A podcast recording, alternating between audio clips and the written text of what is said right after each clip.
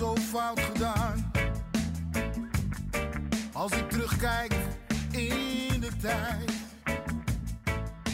een lach met tranen. Mo Ihataren is nog maar 19 jaar en geldt als een van de grootste talenten van ons land. Alleen heeft hij door omstandigheden al erg lang geen wedstrijden gespeeld.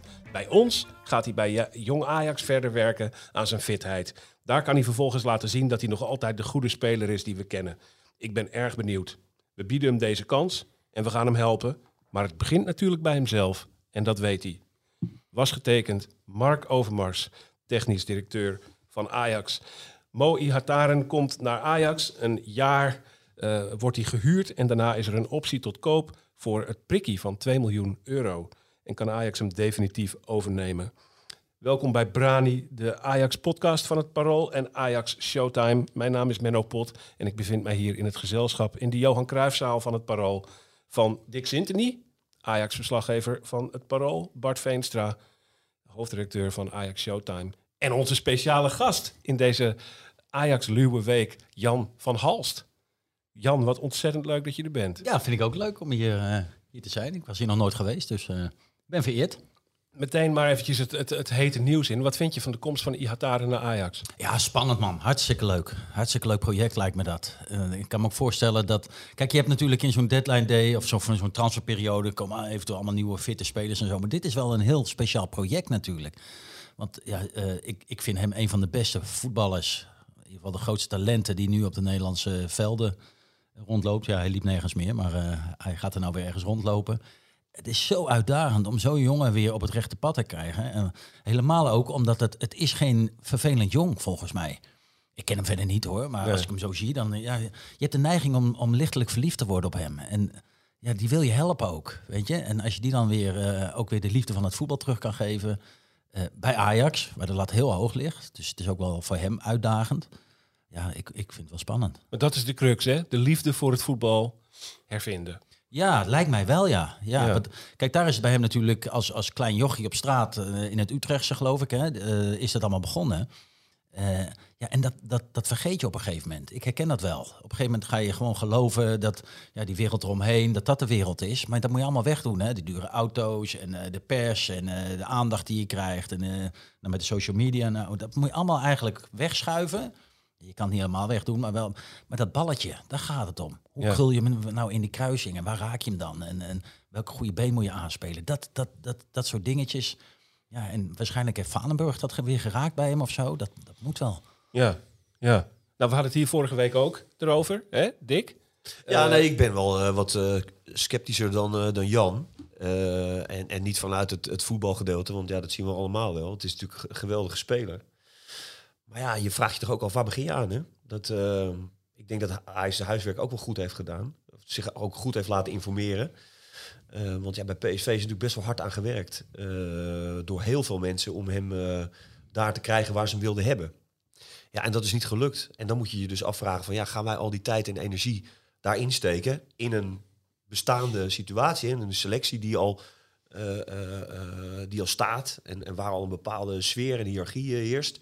Ik denk dat jij komt echt uit die kleedkamer vandaan. Ik bedoel, het kan ook wel ehm, best wel veel impact hebben. Eh, de zorg en de aandacht die, die zo'n speler misschien eh, gaat, gaat opeisen. Wat, wat denk jij daarvan? Nou ja, d- waar je het over hebt, de sfeer in de kleedkamer. Dat is juist het grote voordeel, vind ik, bij dit Ajax. Want als je het vergelijkt met PSV, daar werd hij heel gauw de rising star. En eh, nou ja, kon hij ook, eh, eh, hij kreeg ook ruimte om praatjes te krijgen. Laat ik het maar eventjes eh, zo zeggen. Ja, ik zie dat niet gebeuren in een kleedkamer bij, met Tadic, eh, eh, eh, Martinez, Alvarez. Weet je, natuurlijk kan je wel even wat, wat ondeugende dingetjes roepen. Maar als het te gortig wordt, gaan ze geen energie insteken. De zaag gaat erover en je begint weer onderaan het laddertje. Dat, dat, daar vertrouw ik een beetje op, op een of andere manier. Die, die verhouding is goed. Ja. De selectie is gewoon op orde. Daarom lees ik ook die woorden voor van, van Mark Overmars. Ik vond dat een opvallende quote. Die staat zelfs zo integraal in het persbericht dat Ajax uitstuurde.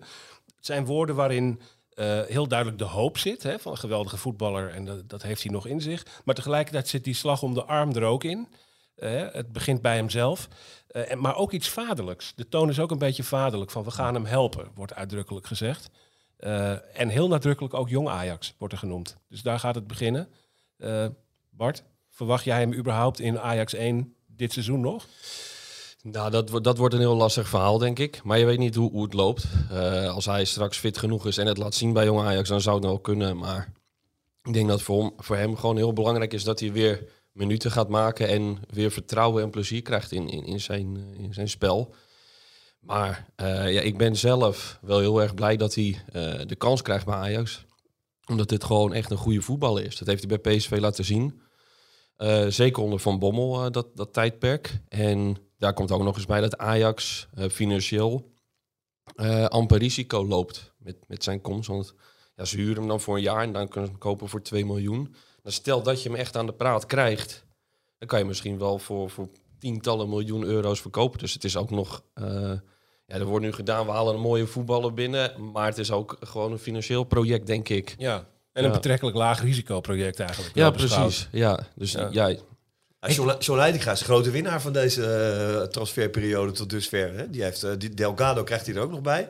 Is huren. Dus de jonge Ajax Ja. eh, wordt flink versterkt. Heeft Jong Ajax al uit tegen FC Dordrecht gespeeld? Want dat zijn natuurlijk de momenten op vrijdagavond in dit zeik weer uit naar de Krommerdijk. Hè? Heet dat stadion nog zo? Ja. Weet je, als het niet wegwaait de- met dit weer. Of uh, Weidewormer bij eh, AZ. Nou, ja, en dan uitblinken.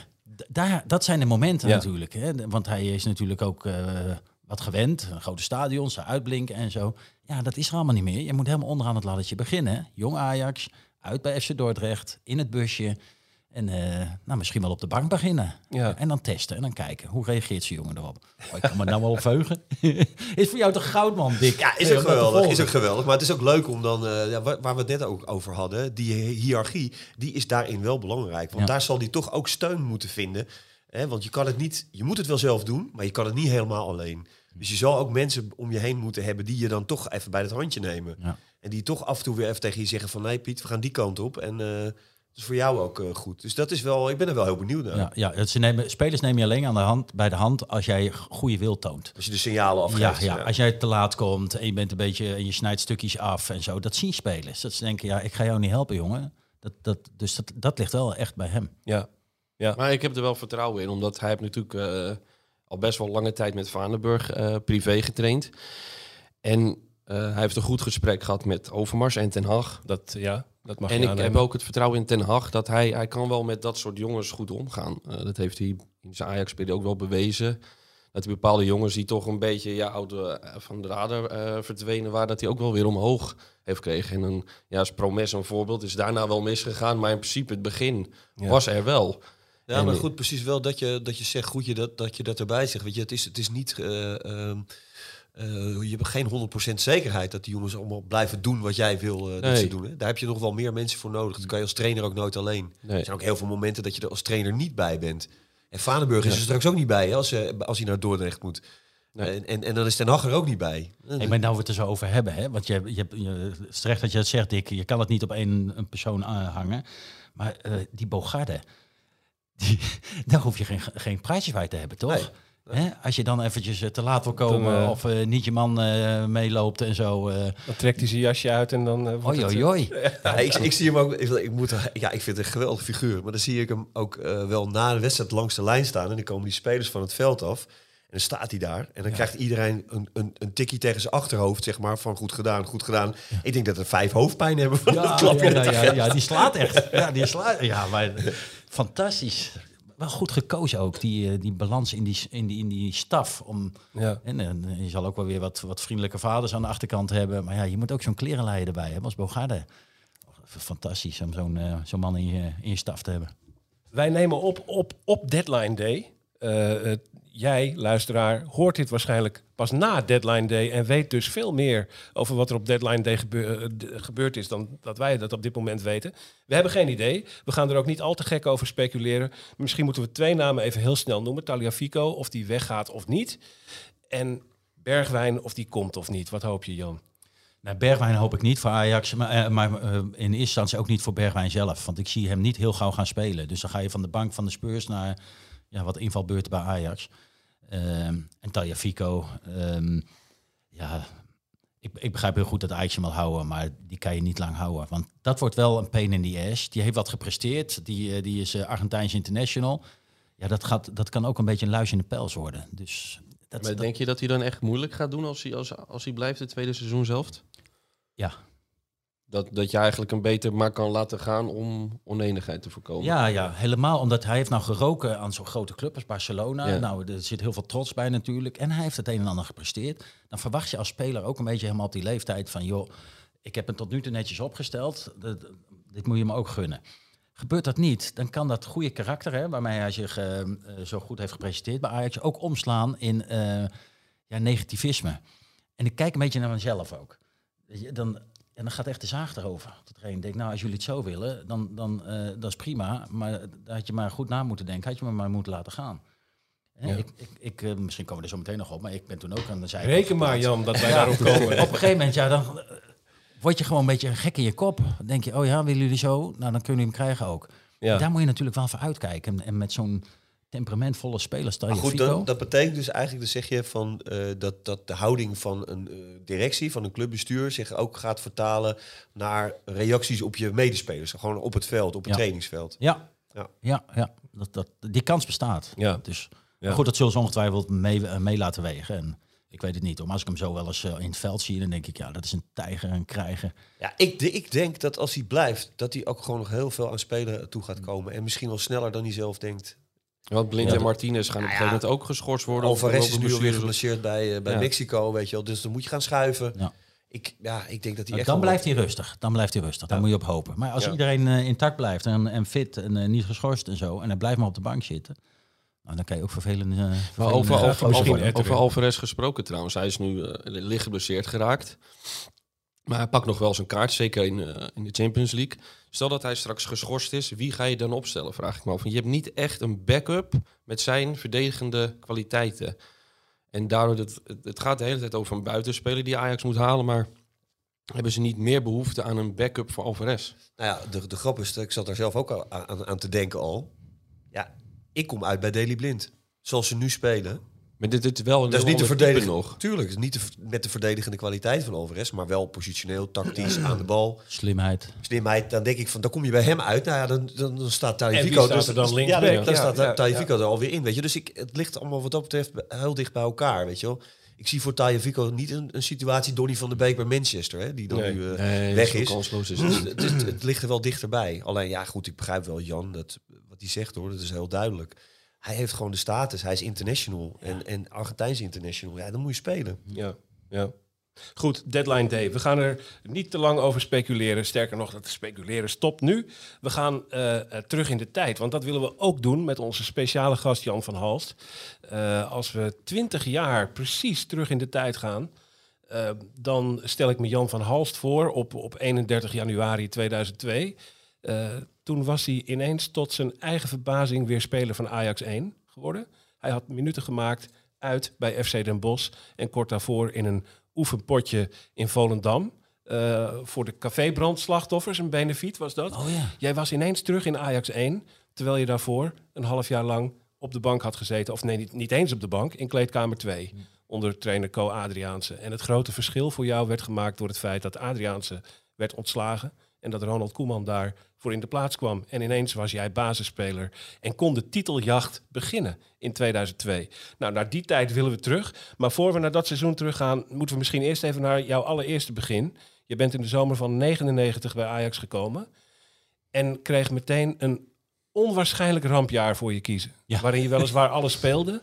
Maar kun je daar eens iets over vertellen? Dat was het jaar waarin Ajax het eeuwfeest vierde. En waarin eigenlijk alles misging wat er met Ajax mis kon gaan. Ja, en hele hoge verwachtingen ook. Want ehm, buiten dat ehm, ik werd aangetrokken, nou ja, dat, ik had nog niet zo'n grote naam natuurlijk. Maar eh Aaron Winter kwam, Richard Wietsche, Frank Verlaat. Weet je wel, heel veel uh, routiniers, eh, want dat was hard nodig ook. Onder trainer Jan Wouters. Onder trainer Jan eh, Wouters. ja. Er werd behoorlijk veel eh, geïnvesteerd. En de verwachtingen namen enorm toe. Maar hoe meer er geïnvesteerd werd, hoe slechter het voetbal werd. Het was niet om aan te zien. Echt waar. En ehm, ik weet nog wel, we, we speelden in de voorbereiding ging het al heel moeizaam. We gingen naar Amerika toe en eh, dat was echt harken. Ik speelde makkelijker bij FC Twente dan, eh, dan in dat nieuwe eh, team van Ajax. En hoe dat kwam, weet ik niet. Maar het klikte gewoon op een of andere manier niet.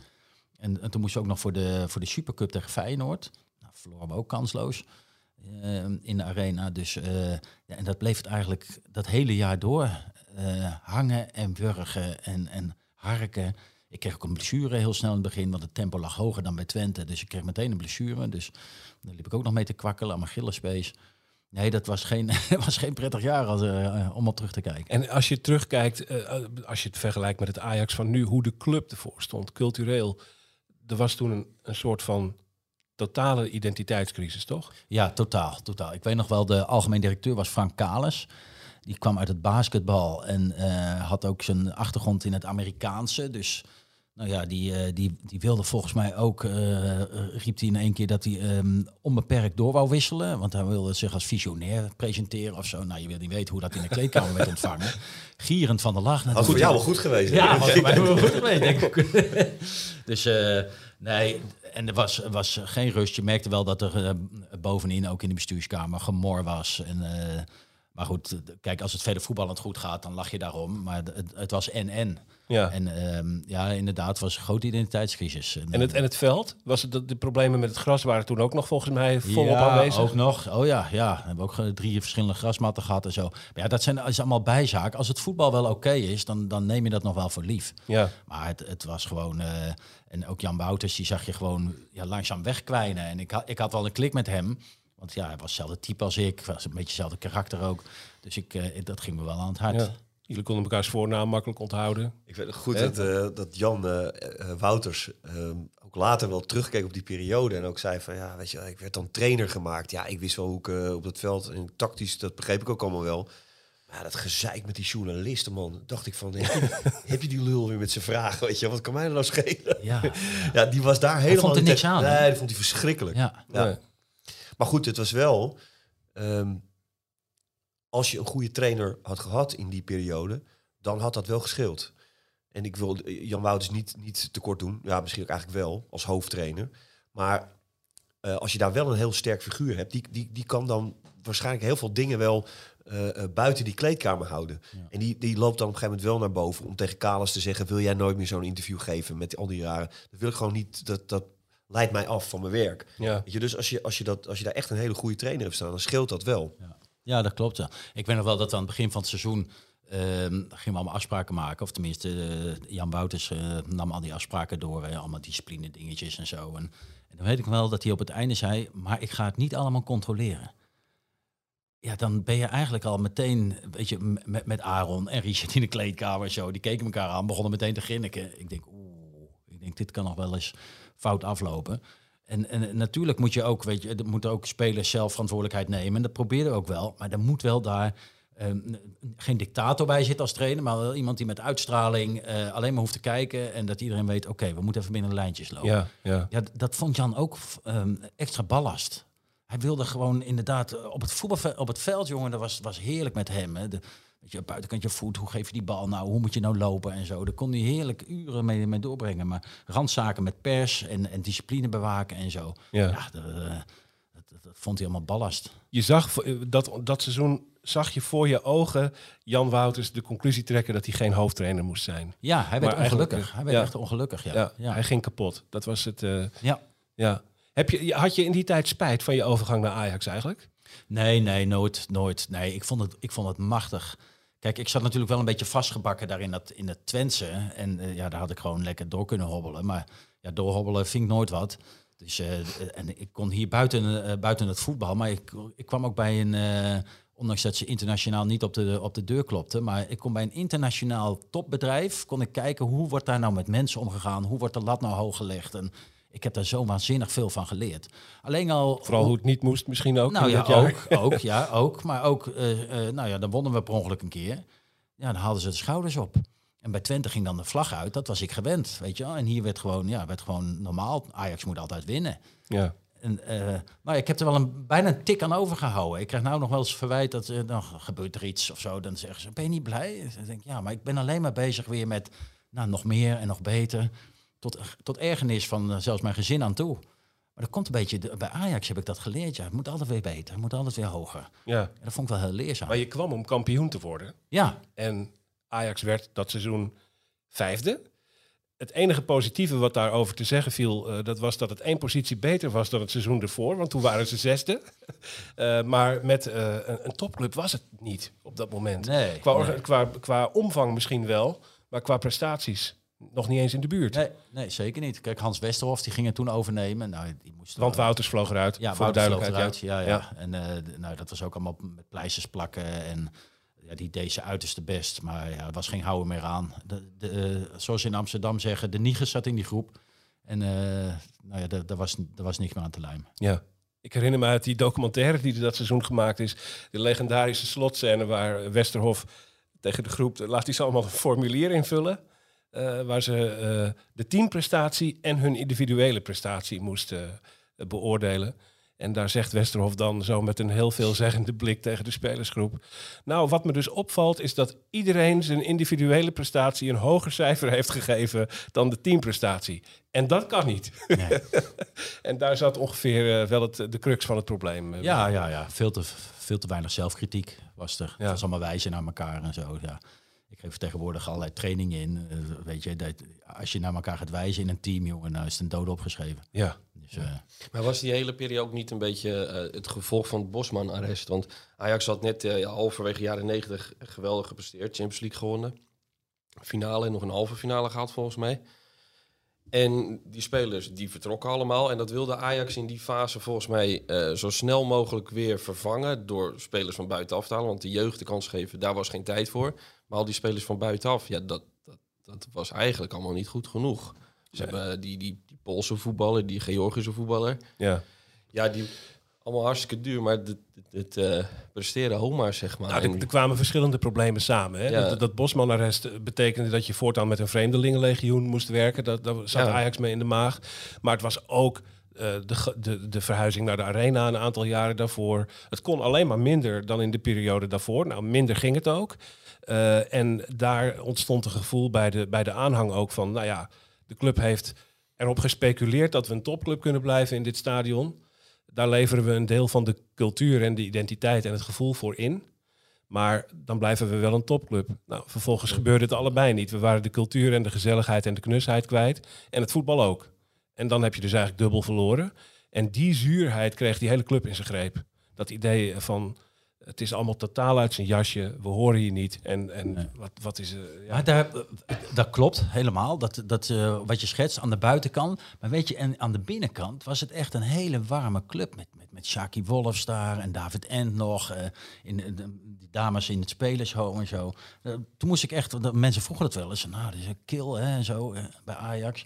Ik zei nee, dat, ja, dat geloof je misschien niet. Ondanks die slechte prestaties. Zulke warme, lieve mensen. Daar, de- Schroefaerts, meneer Schroefaerts, weet je wel. Allemaal dat, dat soort... Ach man, dan ging ik er 's middags wel eens eh, mee op kantoor zitten. En dan ging hij een uurtje vertellen over eh, wat er allemaal was gebeurd in 1927. En weet ik het allemaal. Dat was, was goud. Dat vond ik wel heel mooi. Dus van binnen was het wel warm. Maar ja, dat ze, ze, waren in een of andere nieuwe kazerne, hè, genaamd de Arena, geplaatst. ja, Ja, daar konden die mensen ook niks aan doen. nee, nee. Van binnen was het echt wel warm. Hey, door naar het seizoen, jouw tweede seizoen bij Ajax. eh, dat was dan 2000, 2001. Waarin jij al heel snel werd uitgeleend aan Fortuna. Ja, Eh, wat ging er mis tussen jou en Co Adriaanse, de nieuwe trainer, die het eigenlijk vanaf het begin niet in je leek te zien zitten? Nee, ja, ik weet het niet. Ik kende hem niet, maar ik moest bij hem op kantoor komen. En eh, toen, toen vertelde hij van, nou ja, hij ging verjongen en doorselecteren. En nou ja, voor mij was er geen plek volgend jaar in de A-selectie. En eh, ja, dat was eigenlijk de mededeling. Dus, Ja. eh, nou ja, de, de- de- nou, dat, het verbaasde me ook nog niet eens zozeer. Hoor. Kijk, eh, bestuurstechnisch of zo, of beleidstechnisch, hoe noem je dat? Begreep ik het ook wel. Al die oude knarren die het jaar daarvoor dus niet hadden gepresteerd. ja, dan moet je gewoon door. En Ja. Van der Vaart die klopt op de deur. En Snijder die, die kwam eraan. En allemaal dat soort jonge jongens. En Johnny Heitinga ook.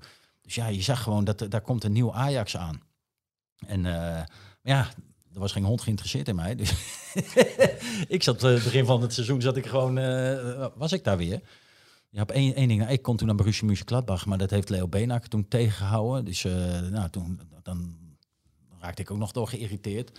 Ja, ik moest dus een, eh, een half jaar heb ik ongeveer in kleedkamer 2 gebivakkeerd met nog een heel soortje afvalligen. Ja, ja. Dan heb je het al over het seizoen daarna, denk ik. Hè? Ja, 2001, 2002. Toen jij terugkeerde van Fortuna en nog steeds daar met Co Adriaanse te maken had. En dus eigenlijk geen perspectief had. Oh ja, ja, ja. Dus ik, toen ben ik naar Fortuna Sittard gegaan en eh, nou, toen kwam ik weer terug. En ja, toen zat Co daar nog. En eh, nou ja, toen, eh, toen wilde hij een gesprek met mij. Ik zeg, eh, nou dan moet je even opschieten, want ik, ik, ik werd re- recalcitrant hoor, zeg ik van tevoren bij. Hier, daar hebben we het. De recalcitrantie van iemand die niet... ik zeg, je moet even opschieten. Ik zeg, maar moet naar huis. Ik zeg, de hond moet nog uit en ik moet de kind ophalen. Ik zeg, maar wat is er? Ja, wat, wat ga je hier doen, Jan? Ik zeg, wat ga je hier doen? Ik sta hier onder contract. Dus ik kom hier gewoon netjes, eh, zoals in de fabriek. Hè. Mijn vader heeft dat zo gedaan en mijn opa ook. Ja. Weet je, wel. je meldt je gewoon op de fabriek en je gaat weer naar huis als de fabriek dicht gaat. Ik zeg, nou, ik kom hier gewoon naartoe rijden. Ja, maar je bent weer in Twente gaan wonen en zo. En waarom? Ik zeg, dan gaat je helemaal niks aan waar ik woon. nou, dat, zo'n gesprek. Ja, heel vervelend hoor. Want ja, die man die, die wilde gewoon heel, heel, netjes gewoon Had je een hekel aan Co eigenlijk? Nee, want ik merkte wel dat hij ook wel een beetje. Nou, ik merkte allereerst eh, af en toe, dan zag je wel eens, dan luister je wel eens mee in de kleedkamer van de, van de trainers. Hè, want dus met kleedkamer 2 zat je er vlak naast. Dat hij eh, eigenlijk wel heel, eh, heel kwetsbaar af en toe was ook. Dus toen dacht ik, hé, hey, het is gewoon een hele kwetsbare man. En, ehm, maar goed, hij, hij, hij moest ook een beetje opboksen tegen ja, al die mannetjes in die kleedkamer en, en, eh, en overeind blijven en zo. Maar hij heeft mijn hart gestolen toen hij uiteindelijk ontslagen werd. Want eh, toen, ehm, toen werd ik ook weer een beetje recalcitrant. We zaten in kleedkamer 2 bij elkaar. En John, eh, Jan Olderikring was de trainer. Hij zegt, eh, ja, eh, vandaag een trieste dag voor Ajax. De hoofdtrainer, Co Adriaans, is ontslagen. Nou ja, ik dacht een beetje, oh, oh, oh jeetje zeg. Ik zeg, eh, ja, maar- Witter en Wits zeiden yes! ja, nee, ja, dat is zo. Of nog net niet? Nee, en ik zei ehm, eh, quasi vriendelijk. Ik zeg, goh, eh, trainer. Ik zeg, eh, dan zou ik het wel op prijs stellen als hij ons nog eventjes eh, gedag komt zeggen. Dat hij even afscheid komt nemen. Ik denk, ik wil gewoon die teleurgestelde man zien. Het is heel slecht van mij hoor, geef ik om, onmiddellijk toe. Het was echt slecht. maar ik denk, ik wil het gewoon zien. Ja. En eh, nou ja, een- tien minuten bij wachten in de kleedkamer kwam hij in één keer binnen. En hij had helemaal rode lopen ogen. Want ja, dat, dat was natuurlijk wat. Zijn, droom viel ook uiteen. En toen gaf hij iedereen gaf hij nog een woordje. En hij eindigde bij mij. Ik denk, ik ben benieuwd wat hij gaat zeggen. En toen eindigde hij met de, met de eh, meest magische woorden. Hij zegt, Jan, hij zegt, ik weet dat ik jou heel veel pijn heb gedaan. Hij zegt, maar de manier zoals jij hebt opgesteld afgelopen half jaar en ook het jaar daarvoor, altijd op tijd op de club. Ehm, eh, af en toe was je wel vervelend tegen mij, maar dat maakte me niks uit. Je ging voorop, eh, je bleef keihard trainen. En toen, toen richtte hij zich tot al die andere jonge jongens. Hij zat allemaal jonge talenten. Hij zegt, als je de talent, kwaliteit hebt, ehm, of de mentaliteit hebt van Jan, neem een voorbeeld aan hem. Jan, ik heb echt van jou geleerd, dankjewel. Als ik het nu vertel, dan word ik weer, weet je, ik zie dat weer in die kleedkamer en zo. Wauw. Ik denk, wauw, wat een grote meneer ben jij. Heb ik zoveel van geleerd. Heb ik tot op de dag van vandaag heb ik dat nog heel vaak dat ik dat in mijn achterhoofd hou. Hoe groot kan je zijn dat je zo'n vervelende gast als ik, ik was echt vervelend, zo toe kan spreken. Ja. Ja, dat vond ik echt. eh, dus sindsdien eh, petje af voor Co Adriaans. De toch wel onvergetelijke Co-Adriaanse. Dick. Ja, nee, goed. Ik denk dat Jan eh, heeft het helemaal helder uitgelegd wat zijn, eh, wat zijn probleem was. Eh, met die selectie, maar ook probleem met zijn eigen werkwijze. En, en een rigide manier waarop hij dingen probeerde naar zijn hand te zetten. Ja, dat heeft hem uiteindelijk de kop gekost. Weet hij heeft ook mensen die, die over zijn functioneren moesten beslissen tegen de haren ingestreken. Op een aantal manieren. Ja, en dat, heeft hem, dat heeft hem de kop gekost. Maar ja, volgens mij eh vakinhoudelijk ook niet zo heel veel op aan te merken. Op eh, de trainer uh, Co Adriaans. Die heeft natuurlijk genoeg bewezen dat hij teams eh, geweldig kon laten Ja. voetballen. Ja. Willem II, ook bij AZ later. Dus En eh, fit ook. Ik heb, ehm, eh, want ik mocht af en toe dan wel meetrainen in de voorbereiding met name en zo. Ik denk, wauw, dit is trainen. Mhm. Echt hard trainen. Dus eh, ja, we, we, we werden echt fit bij hem. Ik heb tactisch niet zo heel veel dat ik dacht, hé, hey, dat is interessant. Eh, wat nieuws of zo. Zeker nog, ik heb wel eens me- meegemaakt dat we vlak voor een wedstrijd, eh, dan zouden we eerst 4-3-3 spelen en in één keer werd het eh 4-4-2 of zo vlak voor de wedstrijd. Weet je wel? Ik denk, hoe, dat komt altijd een beetje paniekerig over dan, als, Ja. als je als trainer dat doet. Maar verder, de- hij, hij was zo gedreven om van zijn Ajax, het was zijn Ajax natuurlijk, hij kwam ook uit de jeugdopleiding, daar iets van te maken. Dus eh, ja, dat zag je ook wel bij de emoties bij zijn afscheid. Ja. Ja. Dan zitten we inmiddels in het najaar van 2001. Dus bijna halverwege het seizoen 2001-2002. En dat was het seizoen waarin voor jou die grote kentering kwam. Want Co ging eruit. Ik herinner me uitschakeling tegen FC Kopenhagen. Die telde zwaar. Een thuisnederlaag tegen NAC. Die er heel hard in eh, sloeg bij het bestuur. Eh, uiteindelijk werd zijn ontslag voorbereid. En ondanks een overwinning op FC Twente eh, gebeurde dat dan toch. Toen kwam Ronald Koeman en meteen draaide de wind voor jou, leek het wel. Ja, dat duurde even twee weekjes nog. Eh, ik kan hem wel even in de gang zien lopen al. En eh, nou even gedag zeggen. Ehm, en in één keer moest ik een keer boven komen bij eh, Leo Beenakker en, en Ronald Koeman. Hij zegt, nou Jan, we beginnen volgens mij 2 januari weer met trainen. met de A-selectie. Zorg dat je fit bent, want vanaf dat moment ga je deel uitmaken van de, van de A-selectie. Ik zeg, oh. Hij zegt, we moeten even een nummer voor jou regelen. Nou, volgens mij, ik kreeg nummer 8. Want Ja. Richard, Richard Witscher ging volgens mij naar Bordeaux toen. Dus Ja, kwam, klopt. dat nummer kwam vrij. Ik denk, oh, nou, nummer 8 en zo. Hij zegt, verder nog vragen? Ik zeg, eh, geen vragen, ik zal er zijn. Ik ben er nooit zo blij geweest. Maar ik, ik, werd ook, ehm, ik ben ook nooit zo getergd geweest. Dus ik ben ehm, ehm, in mijn auto gestapt. Ik woon ondertussen weer in Twente. Ik heb mijn vrouw gebeld. Ik zeg, maak een fles wijn open. Eén glaasje, één glaasje. Ja. Ik zeg, en vanaf dan is de oorlog thuis. Ja. Nou, ik zeg, ik zeg, nou, ik vertel en zo. Dus ik kwam thuis en eh, we hebben één glaasje wijn. Ik heb een, een paar slokjes gehad. En vanaf dat moment werd ik echt gek in mijn hoofd. Ja. Alleen maar sla eten thuis, water, vroeg naar bed. Eh, als ik eh, de dag voor de wedstrijd eh, wilde slapen, dan eh, stuurde ik mijn vrouw de stad in met de kinderen. Ik wilde niet wakker gemaakt worden van het gejank van hun en zo. Ik, ik, ik was helemaal wauws. Ik denk, dit is mijn. Ik was 33 ondertussen. Ik denk, dit is mijn laatste half jaar. Ik stond tweede, volgens ja, mij. dicht bij de kop. Dicht bij de kop. Eh, het was ze stonden niet zo laag. Het, was, Nee. eh, de kampioen, het kampioenschap was al die tijd wel in zicht, ja. dat seizoen. Ik denk, dit is mijn kans. Dit is mijn kans. Dus Ja. eh, nou, dat heb ik een half jaar eh, volgehouden. Ja. nou ja, wat ik zei, hè. FC Den Bosch uit, 27 januari 2002. Toen mocht hij erin als invaller. En daarna ben je niet meer weg geweest uit de ploeg. Nee, moet ik wel één ehm, ding bij zeggen. Rafa van der Vaart raakte geblesseerd aan zijn knie. Dus er kwam een plekje op het middenveld vrij. Natuurlijk moet je dan ook wel goed presteren dat, dat dat plekje door mij ingevuld werd. Maar dat was wel natuurlijk een, eh, een voordeel voor mij. Ja, ja. Dat, dat Ik team had van... hem niet eruit geschopt trouwens. Hij was niet door mij geblesseerd. Oké, was- Nee, dat was... Ronald, Ronald Koeman had dat, gewoon, eh, had dat gewoon heel snel en goed in de smiezen. Dat die, eh, de selectie, die, die had, had een, een, eh, een, een man als Jan gewoon op dat moment heel hard nodig. Zowel op het veld als, eh, als in de kleedkamer, eh, in, die, in die hele groep. Ehm, Een type van Halst werd er altijd Ja. gezegd. En we hadden de echte van Halst. ja. nee, maar dat is... ehm, kijk, Jan is niet, eh, Jan is niet een, een eh, typische Ajax-voetballer. Ehm, maar hij kon wel eh, dat team, en vooral hè, een jong, heel jong team, eh, met hele grillige voetballers, Mido, Slatan. Slatan speelde nog niet eens zoveel, meestal Maglas. En, eh, maar die, die, die kon hij echt wel eh, eh, eh, naar zijn hand zetten. Dat, Ja. dat scharnierde. En eh, dat had Koeman heel goed gezien. Zoals hij wel meer eh, goede beslissingen had genomen. Koeman is daar sowieso heel sterk in, vind ik hoor. Als hij ergens binnenkomt, ook bij het Nederlands elftal en ook eh, bij Ajax toen. eh, bij Feyenoord heeft hij het ook gedaan. Binnenkomen, goed kijken, goed inschatten en het dan zo neerzetten dat een elftal gaat winnen. Ja, geniaal is dat. Dat is wel Ja. dat is heel knap. is toch een En hij kan dat ook met zijn uitstraling makkelijker doen ook. Hè? Hij, er wordt toch tegen Koeman aangekeken van oeh, een, een, een Nestor is het echt, een senior. Ja. wij merkten al in de kleedkamer ook als Koeman binnenliep. eh nou, ik merkte het op de massagetafel, lag ik op de massagetafel. En dan kwamen de jongens ook ehm, uit de kleedkamer binnenlopen. En dan merkte ik op de manier zoals zij binnenkwamen lopen, of Ronald Koeman in de kleedkamer stond of niet. Dan waren ze toch iets, iets rustiger. Weet je, oh, de grote, de grote trainer staat binnen. Weet je, dan, gaan we niet zoveel. want normaal was het lang leven lol en schreeuwen naar elkaar en dollen. En, en dan kwamen ze binnen en dacht ik, hé. Hey. Keek ik om het hoekje zo en dacht ik, ja, die trainer staat binnen. Dat heeft met uitstraling te maken. Ja, ja. En ik heb dat later nog wel een keer bij Feyenoord gevraagd. Toen was Fred Rutte daar trainer, was de opvolger van Ronald Koeman. En, en toen vroeg ik bij Feyenoord, wat zie je nou aan verschil? Zei ze, nou aan het einde van de lunch, als, eh, dan willen die trainers altijd nog wat zeggen. Fred Rutte die moest opstaan en nog even roepen van jongens, mag ik even jullie aandacht?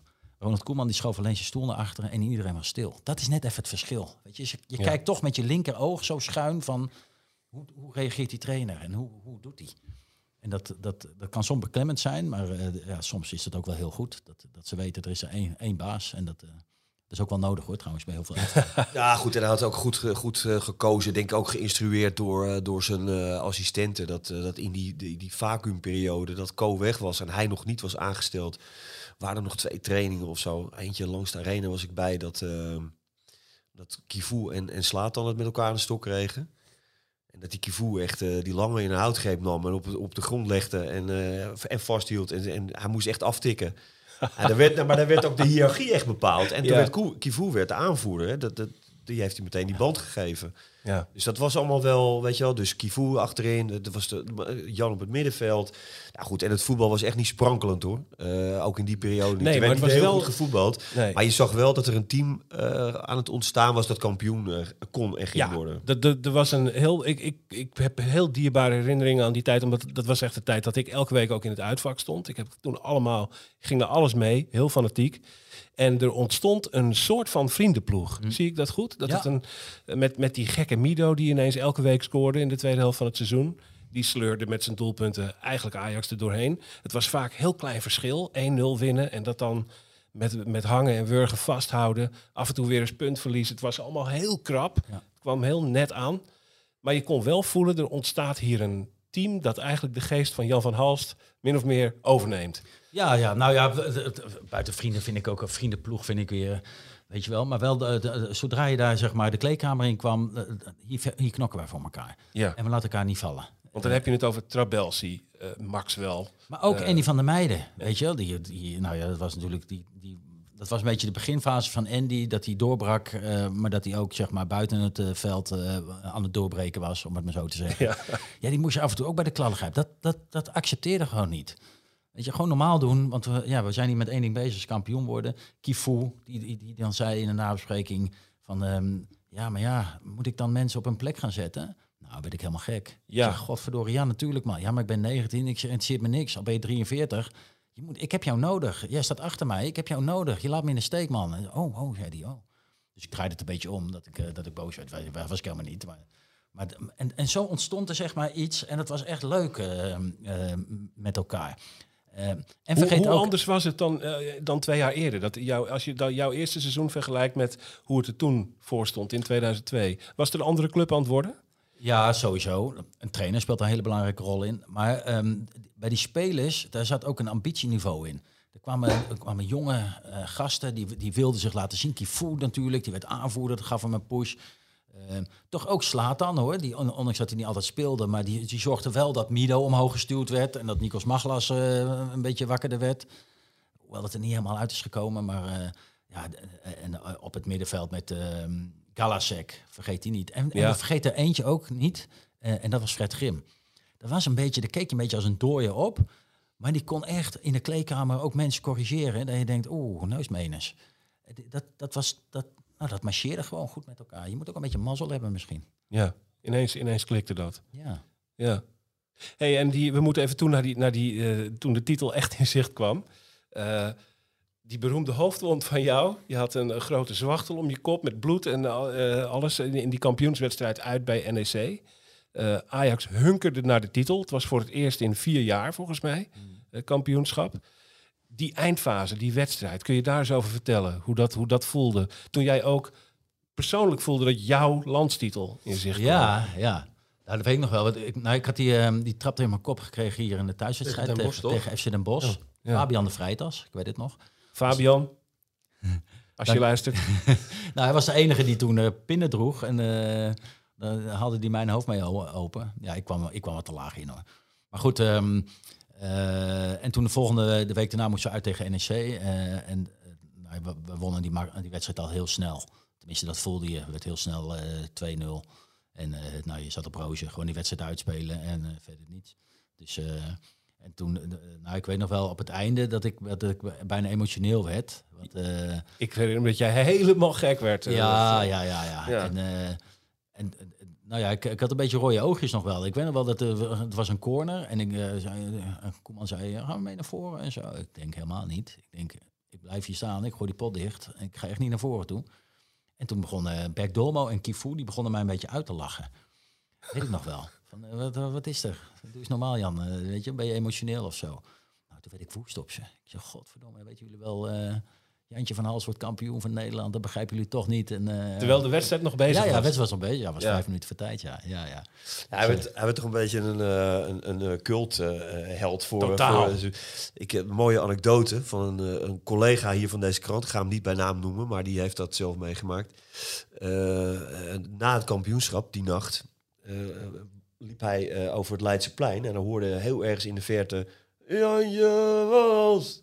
Janje was... Het was wel een uurtje of vier s'nachts hoor. Oh ja? Maar het geluid, het geluid kwam steeds dichterbij. Ik denk, godverdomme, die Jan heeft het toch wel ver geschopt... dat iedereen hem nu al vier uur s'nachts luid eh, toe zingt. En er kwam een figuur aanlopen, een beetje zo wankelhalf... van de ene stoep naar de andere stoep. Janje was...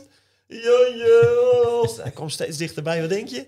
Het was Jan zelf. Het was, het, was, het was Jan van Halst. Ik was helemaal de weg kwijt. Ja, ja, ja, ja, dat was leuk man. Dat was leuk.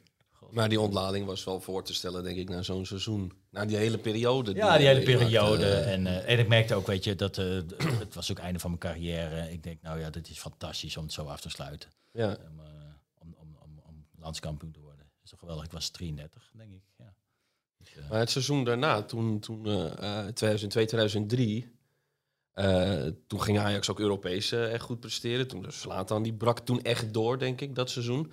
Maar jij speelde dat seizoen volgens mij niet zo heel veel meer. nee, nee, nee. Nou ja, ik heb toen... In het begin nog even, maar Ja, en wij speelden, wij gingen een oefenwedstrijd uit naar Celtic en ik stond in de basis. En ik ehm, eh, een training, één training voordat we weggingen, dus twee dagen voor de wedstrijd, verrek ik weer mijn Achillespees. En had ik tijdens de bekerfinale, want eh, we wonnen de dubbel hè, het jaar Ja, daarvoor, ja. had ik die al opgelopen. En ik had de hele zomer last gehad. de beroemde Van Berto goal, toen was jij net gewisseld. Ja, het, ja, ja, ja, weet ja. ik nog. Ja, ja. En ehm, toen heb ik ook met pijnstillers gespeeld, zeg. Want toen had ik ook de dag voor de bekerfinale ook. Ik denk, ja, ik ga gewoon niks zeggen tegen de trainer. Dan heb ik in ieder geval op dat formulier gestaan. Al moet ik na drie minuten gewisseld worden. Maar dan sta ik later op dat formulier. En als Ajax dan de beker wint, dan kan ik zeggen dat ik de beker heb gewonnen. Ik heb nog een uur volgehouden. Heel voorzichtig gelopen en zo. Maar toen heb ik heel lang last gehad van mijn Achillespees.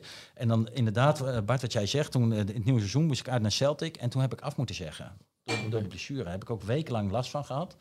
En in die, in die tijd, want als ik Celtic uitspeelde, we heel goed. Ik zat op de tribune, ik ben wel mee geweest. En als ik dan mee had gaan, je moet ook, weet je, ondanks dat, dat, dat ja, je weet het nooit natuurlijk, maar dan had ik nog mee kunnen draaien, misschien, nog het laatste jaartje.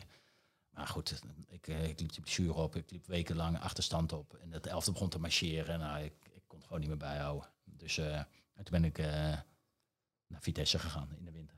Maar wel kampioen. Ja, wel kampioen. Wel Het was ook goed zo eigenlijk, is- weet je. Ja, maar is, ik, ik doe gewoon een Hans Goedkoopje. Ik zeg, het waren andere tijden. Terug naar de onze. Eh, eh, volgende week hebben we weer eh, gewoon een Ajax-wedstrijd op de actuele agenda. Maar wat was het lekker, Jan, om met jou eventjes 20 jaar terug te gaan. Ik vond het ook wel leuk. Dankjewel voor het komen. Ik ga jullie bedanken eh, voor jullie eh, komst naar de Johan Cruijffzaal bij het Parool. Ik dank Dick Sintony. Ik dank Bart Veenstra.